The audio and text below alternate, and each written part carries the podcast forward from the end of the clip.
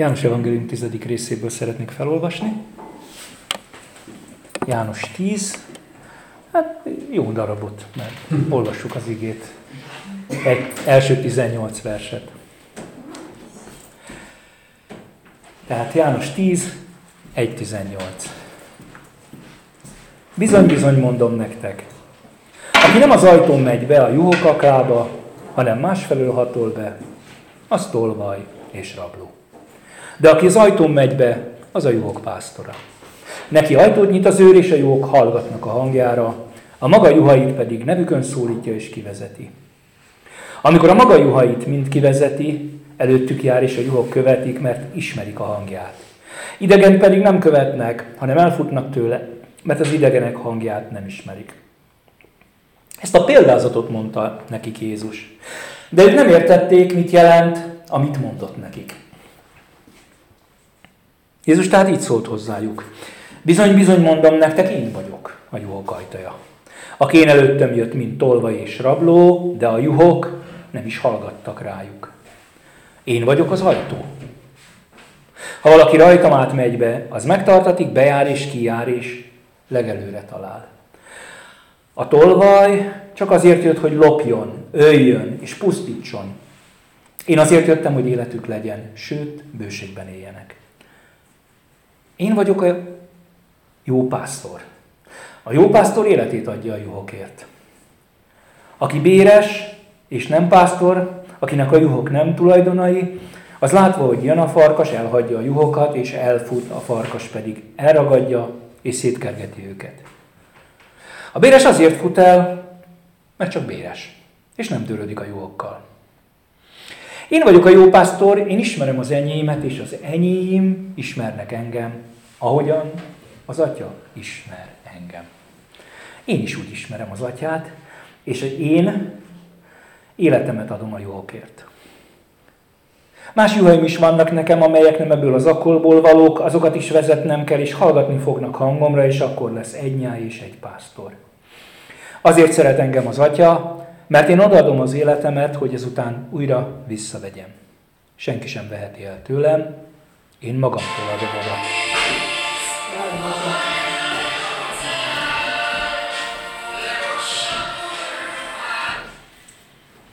Hatalmam van arra, hogy odaadjam, és hatalmam van arra, hogy ismét visszavegyem. Ezt a küldetést kaptam az én atyámtól. Ez egy hatalmas nagy kép, ez egy hatalmas nagy freskó, esélyem sincs, hogy mindenről beszéljek benne, tehát ezt nézzétek el rögtön az elején nekem. Az első dolog, amire felfigyeltem ebbe a hatalmas nagy képbe, amit Egyébként a képet magát ők nyilván éltik, mert a saját természetes közegükből vesznek, arról beszélnek, hogy milyen a pásztor, milyen a nyáj, hogy bánunk vele. Tehát ezeket a, kép, a képet magát, magukat nyilván értik, csak azt nem értik, hogy na jó, de miről beszélsz Jézus? Én most egy kicsit a képről akarok beszélni. Elkezdtem nézni, és rájöttem, hogy mi mindenkit látok ebben a képben. Önkényes a válogatás, hogy milyen sorrendben veszem, de úgyis sorba veszek mindenkit. Látom a bérest. A béresről azt mondja, hogy neki a juhok nem a tulajdonai. Nem ővé. Csak meg van bízva. Sőt, ha látja, hogy jön a veszedelem, ha jön a farkas, akkor egy pillanat alatt elhagyja a juhokat, elfut, mondjuk azt nevén, nem törődik a juhokkal. Úgy fogalmaztam meg, hogy igazándiból neki nem célja hogy megadja neked azt, ami a valódi szükséged. Nem adja meg a valódi szükségedet. Ha a bérest egy szóval akarom mondani, akkor ő csak egy elszegődött valaki, de nem feltétlenül törj össze magát, hogy megkapd a valódi szükségeidet. Megjelenik a színen a tolvaj és a rabló. Árnyalatni a különbség mondhatnánk szinonima is, de azért ugye, ha jogász nyelve átforgatnánk, akkor Ugye tolvaj az, aki észrevétlenül meglop. Ellopja, ami a tiéd, amikor nem nézel oda, amikor nem vagy ott, amikor nem vagy jelen. A rabló az már egy minősített eset, ugye? Ott már mindig megjelenik egy személyes erőszak. Tehát erőszakot vesz rajtad, úgy veszi el tőled a tiédet, mint a farkas, ugye, a példázatbeli farkas,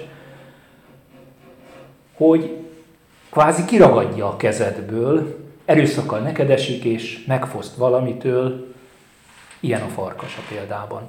Elragad, sőt elkerget. És aztán megjelenik a pásztor. Ugye ellentétben a mai képről a pásztorról, ez az a pásztor, a mondatszerkezetből világosan ki, aki, aki a nyáj. Tehát képzeljük el azt a falusi kis pásztolyt, akinek, akinek van egy valamekkora nyája. Övé a nyáj. Sajátjaként bánik vele. Nevükön szólítja, személyesen ismeri őket egyenként. Vezeti őket és előttük jár, ez is egy nagyon érdekes dolog, ugye előttük jár, és azok követik őket. És a egyik legfontosabb célja, hogy legelőre vezesse őket, hogy táplálékhoz, hogy folyóvízhez juttassa őket. Más példázatból pedig nagyon jól látjuk, Jézus nagyon szeret használni azt a pásztor példáját, majd elmondom miért. Ott hagyja 99-et azért, hogy az egyet is megmentse. És itt utal arra, hogy a pásztor életét adja az élet, a, a, a, a, a, értük, de gondoljatok csak, hogy még Dávid is utal arra, hogy ő pásztorfiúként, kis kamasz vagy nagy kamasz pásztorfiúként lazán szembeszállt a oroszlánnal. Na most mondjuk azt, hogy na, persze könnyű neki Dávi volt. Tényleg? Melyikünk merne? Melyikünk merne odaállni egy oroszlánnal szembe, csak úgy parikjával, vagy bármivel is. Ah, ott szaladnék el a francba, nem. Na, bocsánat, de nem, hogy én odaállja. Kockáztatja az életét, ha kell. Tehát ez, ez, ez tényleg a pásztornak a képe. Nagy a kísértés, azt fedeztem fel, hogy sommásan nézzük ezt a történetet. Azt mondjuk, hogy hát Jézus a pásztor, ő ugye ezt meg is nevezi, én vagyok a jó pásztor. Hát, ha ő a jó pásztor, akkor minden más a sátán. De, mi más lehet, ugye? Beszéltünk csütörtökön, hogy azért ez egy kicsit árnyaltabb. És persze, valahol nagyon tágabb értelemben, tehát ugye a Biblia összképét értve, nyilván azt mondja Jézus, hogy aki nincs velem, az ellenem van, aki nem gyűjt, az tékozol. Tehát tágan értelemben igaz az, hogy aki nincs Istennel összhangban, nem Istennel harmóniában végzi a munkálkodását, mint szereplő egy történetben, az közvetlenül, közvetetlen valahol mégiscsak szekértójója az ellenség ügyének, akkor is, hogyha egyébként semmi köze hozzá közvetlenül. Ugye, ami hitből nincsen, mondja, mondja valahol a Szentírás, az bűn. De én azt látom, hogy az ige nagyon határozottan nem engedi azt nekünk, és el is kerüli ebbe a történetben ezt a fajta párhuzamosítást, hogy itt egy ilyen sátán képpel azonosítsuk a szereplőket. Sokkal inkább, az előbb szándékosan mondtam el ilyen részletesen, hogy ki mit tesz. Nézzük csak meg egy kicsit összefoglalva, hogy mi, mi, is, mi is ezeknek a szereplőknek a funkciója az életében, a nyájnak az életében. A nyáj ugye az ókorban kikerülhetetlenül mindig a népet jelentette. Ezt a Ószövetség számtalan képe használja a nyáj példázatot. De hadd tegyem hozzá, nem csak a Biblia használja ezt, hanem ókori iratok, más népek iratai, babiloni iratok is nagyon-nagyon sokszor ezt a képet használják. Tehát mindig a közösséget, az egész népet jelenti, és a jó pásztor az bizony a jó uralkodót is jelenti. Jézus nagyon tudatosan használja, én király vagyok. Amikor jó pásztor vagyok, akkor én bizony azt a titulust használom, amit néhány száz évvel korábban egy, egy babiloni uralkodó magára használt, hogy a jó pásztor képe. Mit is csinálnak? Hát, ha nagyon le akarom egyszerűsíteni, akkor azt mondtam, hogy a béres valami olyan munkálkodik, ami nem feltétlenül a tett szükségeit teljes betöltése. A tolvaj meg a rabló, az viszont ennél sokkal tovább megy, ellopja, elrabolja azt, ami a te valódi szükséged, ami a te valódi e, e, létfenntartásodhoz, a mindennapaidhoz elkerülhetetlen. És Engedjétek meg, hogy ennyire kilépjek itt a nagy, régi bibliai történetből és a hétköznapokról beszéljek, de nagyon erős volt a párhuzam az én számomra, mert a minket körülvevő világ is tele van. Béres, tolvaj, rabló szereplőkkel. Nézd csak körül. Nézd csak körül a saját személyes életedben, nézd csak körül az otthonodban, a szobádban, a mindennapjaidban. Vagy akár nézd körül az elfoglaltságaidban. Mivel töltött a napodat?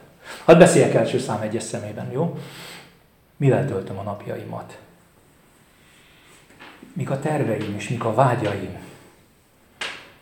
Vajon mindaz, ami az életemet kitölti, az nem feleltethetők meg ennek a példázat szereplőinek egy-egy tulajdonságaival? Tulajdonságainak? Nincsenek-e olyanok, akik ellopják, elrabolják a valódi ö, életemet, a valódi ö, szükségleteim betöltését, vagy adott esetben hamis illúziókat nyújtanak, és nem adják meg a valódi szükségeink betöltését. Vagy adott esetben, és ez a mai világnak a legtipikusabb esete, generálnak hamis szükségeket, amit aztán betöltenek. Én azt látom, hogy az életünk tel is tele van ilyen dolgokkal. Mondjuk egy egyszerű példát, sokszor így látom például a televíziót. Figyelem, ez most nem a jó megmondó prédikáció, aki ki akarja prédikálni, hogy a televízió az valami bűnös dolog. De tedd a szívedre a kezedet, amikor leülsz a tévé elé, hogy vajon az ö, nem tud-e a te életedben ilyenné válni. Nem tudja, nem tudja megrabolni a híradó a békességedet, nem tudja elrobni a nyugalmadat, azt, ami egyébként önmagában megvan, amit élnél az Istennel. És mégis egyszer csak azt látod, hogy valami hiányzik. Körbenézel, és azt mondod, hogy hiányban vagyok. Ellopta valaki a békességemet, ellopta valaki az örömömet. Vagy kínált valaki valamit, és csak egy pillanatnyi fellángolás volt, egy hamis illúzió, és egy pillanat alatt elmúlt, és már megint nincsen meg az, amit vártam tőle. Minden ilyenné válhat. És én azt szeretném csak mondani, hogy nem arról beszélek, hogy egy jó keresztény az csak is istenes dolgokkal foglalkozzon. Mert ennek a gondolatnak nagyon könnyen a csapdája lehet az, hogy akkor biztosra megyek, elvonulok, sőt, keresek egy jó kis kolostort valahol fenn a hegyen, ott aztán biztosan egy oszlop tetején, igen, a kedves. Egy oszlop tetején az aztán, még látványos is vagyok, és még gyűlnek is hozzám majd a rajongók, mert azért az hozzájár. Nem. De azt igen, hogy vegyük észre, hogy észrevétlenül megjelennek az életünkben, a mi életünkben is. Akár rablók, akár tolvajak, akár a farkas, aki el akar lopni valamit, hogy pontosan mit, azt talán majd a folytatásból kiderül, bár nagyon nehéz szó szerint szavakba ölteni. Érdemes időről időre fentenni a kérdést. Betölte, megrabol-e, meglop-e mindaz, amivel az életemet élem úgy nap, mint nap. Magamról beszélek elsősorban. Hadd hozzam fókuszba a tizedik verset. A tolvaj csak azért jön, hogy lopjon, öljön, pusztítson. Én azért jöttem, hogy életük legyen, sőt, bőségesen éljenek. Lopjon, öljön, én pedig, hogy életük legyen. Nem ismerős ez valahonnan két héttel ezelőttről. Akkor a, hm, nem baj, én figyelek. Kettő Mózes, tehát 5 Mózes 28-ról, az áldás és átokról beszéltem. A 30-ban kicsit visszanyúlva azt mondja, összefoglalóul Mózes, Tanul hívom ma ellenetek az eget és a földet, mert eléket ad, elétek adtam az életet és a halált, az áldást és az átkot. Válaszd azért az életet, hogy élhess te és az utódaid. A 28-ra utaltam vissza több, többször is, ahol ugye felsorolja, hogy ha ezt és ezt és ezt teszed, akkor áldott leszel illetve hogy ha ezt és ezt és ezt teszed, átkozott leszel is. Ha még visszautalhatok arra, akkor ugye arról beszéltem, hogy ez igaz. És nézzünk is mindig úgy rá, mint egy törvényszerűség a Szentírásban. Tehát igenis, ahogy a gravitáció igaz ebben a világban, az Istennek a gondolkodásával látunk bele, hogy áldottá teszem azt az embert, aki enged nekem. De nem jelenti azt feltétlenül, hogy ezt én odaállhatok elé és kikövetelhetem belőle, hogy akkor én most ezt meg ezt megcsináltam, kérem a lóvét. Mert ezzé tudjuk tenni. Miért mondtam ezt? Ha emlékeztek rá, eh, attól lóvtam magunkat, magamat, hogy megpróbáljunk bármiféle ilyen teljesítmény megfelelés alapján állni az Isten előtt. Mert az Isten mindenek előtt minket Jézus Krisztuson keresztül néz. Nem pedig az alapján, hogy elég gyorsan futottam, és elég ügyes voltam el, és elég sokat törtem magamat. Miért mondom ezt most így hirtelen? Mert érdekes módon ebben az egyetlen versben valahol Jézus mintha elénk hozná ugyanezt a képet. A tolvaj azért jött, hogy lopjon, öljön, pusztítson, én pedig azért jöttem, hogy életük legyen, sőt bőségben éljenek. Életről és halálról beszél. Többről, mint fizikai élet és halál, ezt, ezt azért világosan látni kell. Hanem, sőt, ő folytatja is tovább, hogy életük legyen, sőt, bőségben éljenek. Tehát ez nem a biológiai élet önmagában. Azt látom, hogy Jézus ugyanúgy figyelmezteti ebben a közegben is a tanítványokat arra, hogy fontos felismerni, hogy mi a motivációnk, mi a hétköznapi gondolkodásunknak az alapja. Mert hogy ebben az egyszerű versben, hogy a tolvaj azért jön, én pedig azért jöttem, vegyük észre, hogy mi nem jelenünk meg cselekvőként.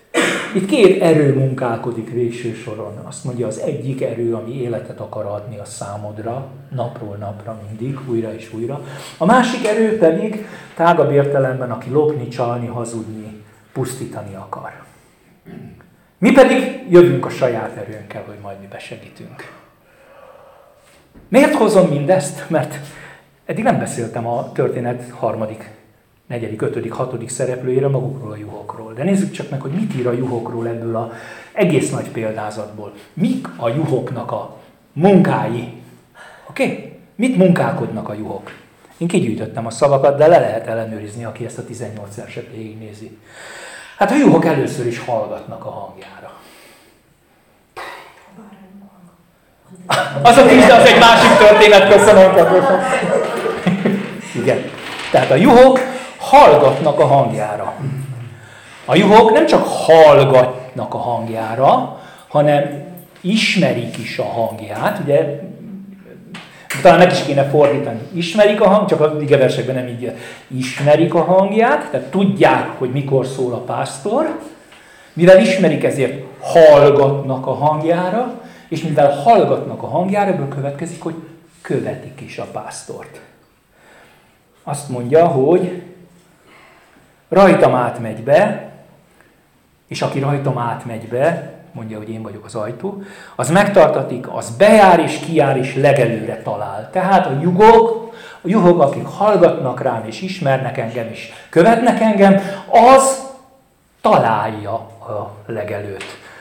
Arra szeretném, hogyha felfigyelnétek, hogy milyen sok izzadság van benne, és milyen sok verejték van benne, és milyen sok emberi küzdelem van, amit mi mindenképpen bele akarunk tenni mindig a magunk megfelelési kényszereibe.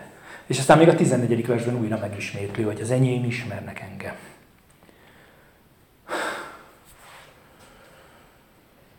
Azt hiszem, hogy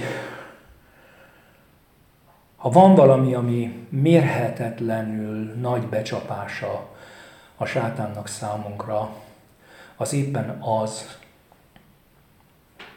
az a folyamatos nyomás, hogy szedd össze magad, hogy felej meg, hogy legyél végre jó keresztény. És én azzal szembesülök lépten nyomon, bárhol nyitom ki a Szentírást, legyen az akár itt a jó pásztor példázata, még ez is arról beszél, hogy nem a te erődön, és nem a te ügyességeden keresztül mennek végbe a dolgok. Akkor hát ilyen egyszerű minden, akkor, akkor ilyen könnyű, akkor hurrá.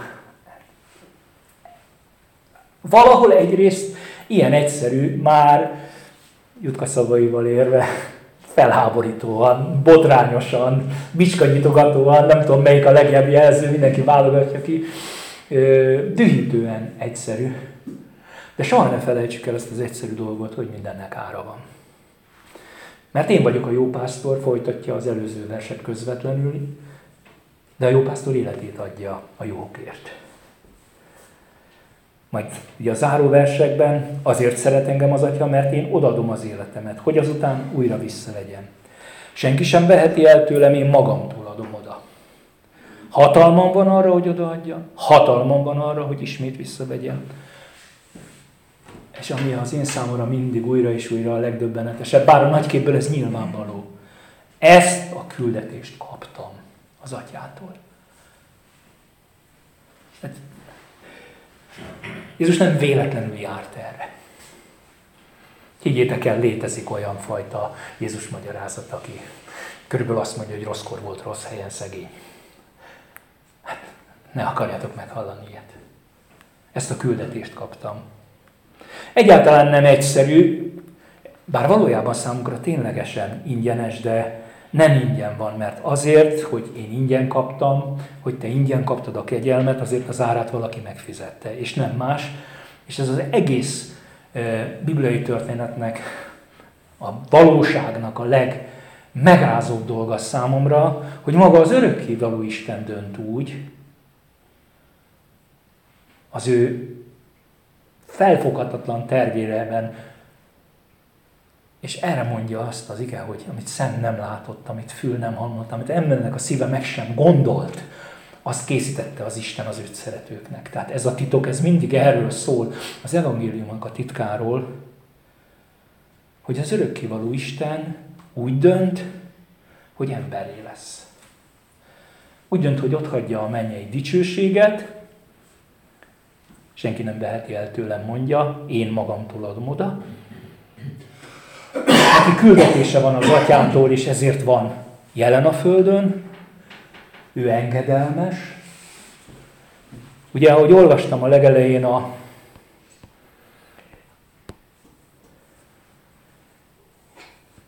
ö, bocsánat, gyorsan kéne megtalálnom, mert ezt nem írtam ki magamnak. Én ismerem az enyémet, és az enyém ismernek engem, ahogyan az atya ismer engem, én is úgy ismerem az atyát.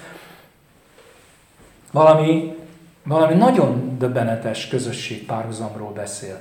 Nyilván a titok, amit nem tudunk megragadni, hogy az Isten hogy van az Istenben, ne is akarjuk. Fogadjuk el, hogy van, teljes közösségben van, ismerem az ő tervét, és ennek a tervnek megfelelően akarok cselekedni. De azért a párhuzam az remélem észreveszitek, nem akármilyen. Én ismerem az enyémet, és az enyém ismernek engem, ahogyan az atya ismer engem, és ahogy én is ismerem az atyát. Ugyanarra a közösségre, ugyanarra a titokzatos egységre hív minket Jézus. És azt hiszem, hogy a jók számára ez a leginkább kihívás, hogy hallgassd a hangomat, hogy ismerj meg engem, hogy ismerd meg a hangomat, és hogy kövess engem, és hogy legyél velem ugyanabban az egységben, ahogy én az atyával vagyok. És ha én az atyával vagyok, akkor én világosan látom, hogy mi az ő terve az én számomra, hogy menjek el, hogy legyek emberré, hogy tegyem le az életemet, érted? Hogy vigyem véghez mindazt, amit amit ma úgy nevezünk, hogy az evangélium, hogy meghalt a bűneinkért az írások szerint, és feltám, eltemették, és harmadnapon feltámadt ugyancsak az írások szerint. És azáltal, hogy engedelmes volt, és hogy végigjárta ezt az egész utat, a, azt látom, hogy sok minden mellett, amit elvégzett, mindemellett valami hatalmas dologról tett bizonyságot. Az, hogy mindez, csak nem, mindez nem csak duma. Ha csak kiragadom a János 13-at, akkor nagyon nehéz János 3.16-ot, bocsánat. Szoros tekintet, az mindig helyre igazít, köszönöm. Úgy szerette az Isten. Természetesen ott van benne, de kell, hogy kibontsam, kell, hogy végigmondjam én is magamnak is újra és újra, hogy mi is az, amit ott hagy, mi is, amit elenged, mi is az, amit elvégzett, hogy rájöjjek, hogy hú, tényleg szeret engem. Hú, hogyan másképp tudnám még bizonyítani az én számomra a létezését, a valóságát, és azt, hogy tényleg mindent elvégzett értem, és hogy tényleg nem kell küzdködnöm, és hogy tényleg mindaz, amit ad, azt ő adja. Ha nem hagyom, hogy egyre mélyebbre és mélyebbre üljön annak a bizonysága a szívemben, hogy meghalt, a bűneimért eltemették és feltámadt. Aki ezt végigjárja, azért, mert ez a mindenható Isten örök terve. És ezzel bizonyítja, hogy én engem mennyire szeret, az mindenki mástól különbözik ebben a szereplői garnitúrában. Próbáljuk így mellé rakni a másik három potenciális szereplőt. A bérest, aki csak bérért csinálja, a tolvaj csak azért, hogy szerezzen, a rabló, aki csak kifosztani akar, ezek összehasonlíthatatlanul más szereplők. Ezek csak illúziókat tudnak nekünk adni. Ideig óráig adó látszatörömöket, vagy látszatmegoldásokat, de legtöbbször még ennyit sem. Egyszerűen csak becsapni tudnak, kifosztani tudnak. Meg tudnak fosztani valamitől, amit Jézus úgy fogalmaz, hogy életet adok nekik. Azt írtam magamnak, hogy ő egyedül valódi, önmagából való életet ad. Annak, aki hallgat a jó pásztornak a hangjára. És én azt hiszem, hogy ez a számunkra egyik legfontosabb ö, élet. Ez a erre külön szaga van a Bibliának, ez nem ugyanaz, mint ami a magyar nyelven összekeveredik. Tehát a, a, magyar, a görög biosz, az felel meg a magyar biológiai életnek. És van egy másik szó, a zoé, az valami egészen más, az a, az az élő életet jelenti, ami több, mint a biológiai. Tudjátok, a meghal is él, mondja. Szinte Jézus ugye a